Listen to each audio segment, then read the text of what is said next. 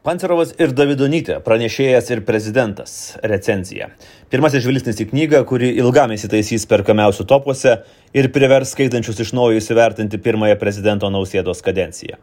Naujoji Davido Pancerovo ir Birutės Davidonytės knyga tiesiog pasmerkta būti mega bestselleriu triuškinantis jų politinės publicistikos debutas kabinete 339, užkabintas pirmasis asmuo ir netgi pirmoji ponė, jau prasidedantis politinis įtampos sezonas, aktyvi knygos kampanija socialiniuose tinkluose.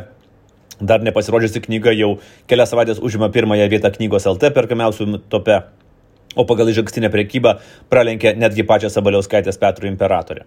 Knygų mūgėje pranešėjas ir prezidentas turės atskirą stendą, prie kurio nebejotinai drieksis eilės, o 15 tūkstančių egzempliorių pirmasis tiražas jau nebetrodo toks ambicingas. Internete jau skraido ir pirmieji atsiliepimai. Knyga atkeliavo anksčiau nei tikėtasi. Žinokit, prasikeikiau. Visi suplanuoti darbai stovi, nes skaitau. Blogiausia, kad perskaičius vieną skyrių nelabai įmanoma atidėti. Įmi ir vartoji antrą, trečią ir taip toliau. Jau visai baiginėjau ir beveik jaučiu iš ankstinę abstinenciją. Tai ką reikės veikti, kai perskaitysiu.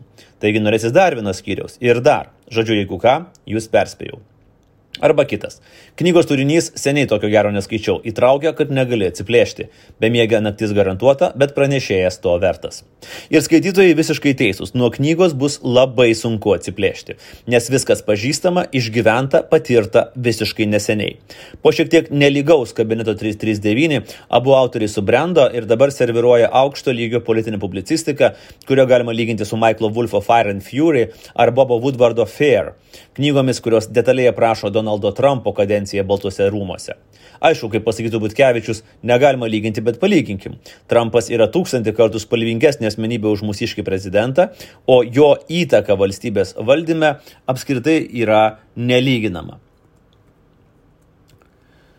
Ir čia turbūt yra didžiausias knygos Achilo kulnas, dėl kurio autoriai yra nieko dėti. Realiai nuo nausėdos sprendimų Lietuvoje beveik niekas nepriklauso.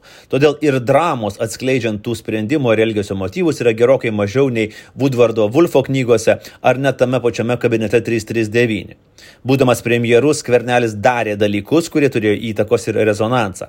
Nausėda, net ir norėdamas tokių dalykų, daryti negalėtų.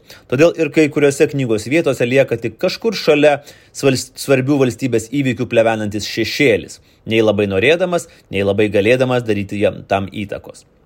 Matyti iš karto, iš karto supratę potencialiai silpnąją knygos vietą, autoriai ieškojo ir atrado į ką atsiremti - specialiųjų tarnybų veiklą ir įtaką prezidento kadencijos kontekste. Užuot pavadinta prezidentas, nors šitas pavadinimas jau yra panaudotas, aš nežinau, kaip būtų Davidas ir Birutė tarėsi su autoriumi. Knyga tampa pranešėjas ir prezidentas ir iš karto įgyja ne tik politinės publicistikos, bet ir politinio trilerio bruožų. Prisiminkime, kaip dramatiškai kabinete 339 skambėjo raktininko ar ką personažai. Dabar jos keičia ne mažiau, o gal net ir labiau dramatiškas pranešėjas - valstybės saugumo departamento pareigūnas. Knyga padalinta į tris tarpusavę persipinančias dalis - pranešėjo ir duomenų rinkimų istorija, prezidento ir jo komandos darbo užkulisiai ir pagrindiniai pasaulio ir Lietuvos įvykiai.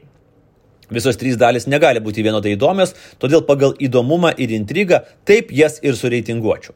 Tačiau negalima sakyti, kad įvykių kronika nėra įdomi, net jei ten šmežuojantis prezidentas tampa antraeiliu veikėju. Autoriai atrado naujų kampų, naujų pokalbių ir taip konstruojama, regis gerai pažįstama, da, Belarus Kaliai ar Ryanair lėktuvo nutupdymo istorija atsiveria naujoje šviesoje. Nuo pirmos dienos, kai Birutė su Dovydu papasakojo apie knygos koncepciją, daugiausiai abejonių turėjau dėl prezidentūros užkulisių. Taip komanda subirėjusi, daug žmonių pasitraukė iš dauganto aikštės rūmų, bet ar išdrys jie kalbėti, net ir autoriams garantuojant anonimiškumą? Jie juk puikiai žino, kad prezidentas yra žinomas kaip gan kerštingas ir nuoskaudų nepamirštantis žmogus, kuris vis dar yra savo poste ir bent kol kas akivaizdžiausias pretendentas to posto galiojimo laiką pratesti dar penkeriems metams. Nevaikščiau iš paskos ir neklausinėjau, kaip jiems sekasi, bet kažkada pats Davidas šiek tiek atsipalaidavęs prasitarė, kad norinčių ir galinčių kalbėti rasti pavyko. O perskaitęs knygą netgi nustebau, drąsus vis dėlto tie kalbėtojai. Patraukė prezidentūros užuolaidas ir pakrapštė ten buvusi pelėsi. Arba labai, labai užknisti, įsižeidę ir nelaimingi. Nenuostabu, nes iš knygos puslapių matyti, jog tiek prezidentas, tiek pirmoji ponė, tiek pagrindiniai patarėjai labai neteisingai įsivaizdavo prezidentūros vaidmenį ir savo pačių svarbą bendrame kontekste. Jie galvojo, kad gali šokdinti kariuomenę, naudotis prezidentūros resursais asmeniniams ponios Dianos įsižeidimams spręsti, kad darbo diena gali prasidėti tada, kada ekscelencija yra nusiteikęs ir panašiai. Nausėdos transformacija iš lengvo darbo sinekūros SEB bankė, kaip jis pats man sakė, kai dar kalbėjomės, laikykitės ten laidoje. Atinu į kabinetą bankę ir skaitau knygas, toks mano darbas. Į sudėtingą ir įtemptą prezidento darbą buvo ir yra labai sudėtinga. Ir knyga puikiai tai atskleidžia. Beje, įdomiai dar pliujami ir tolesni nausėdos ryšiai su SEB struktūros žmonėmis.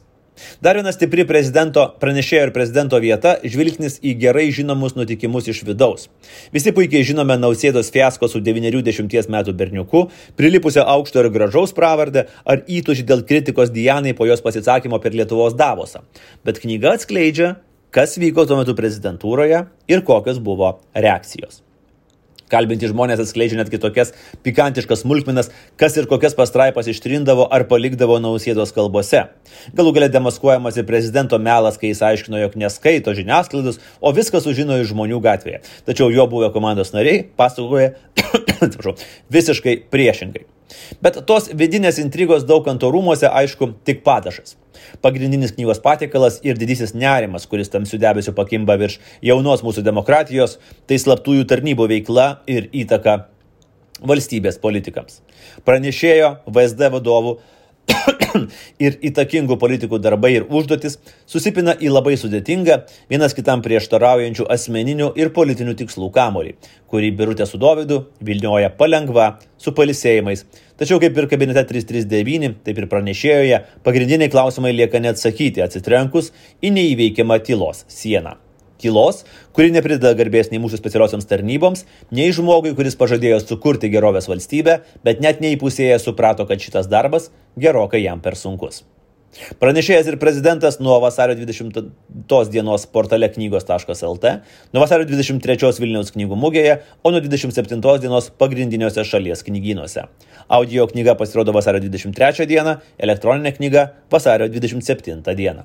Pranešėjas ir prezidentas taip pat yra ir kita mūsų knygų draugijos knyga, kurią aptarsime kovo pabaigoje, jeigu pavyks, kartu su autoriais.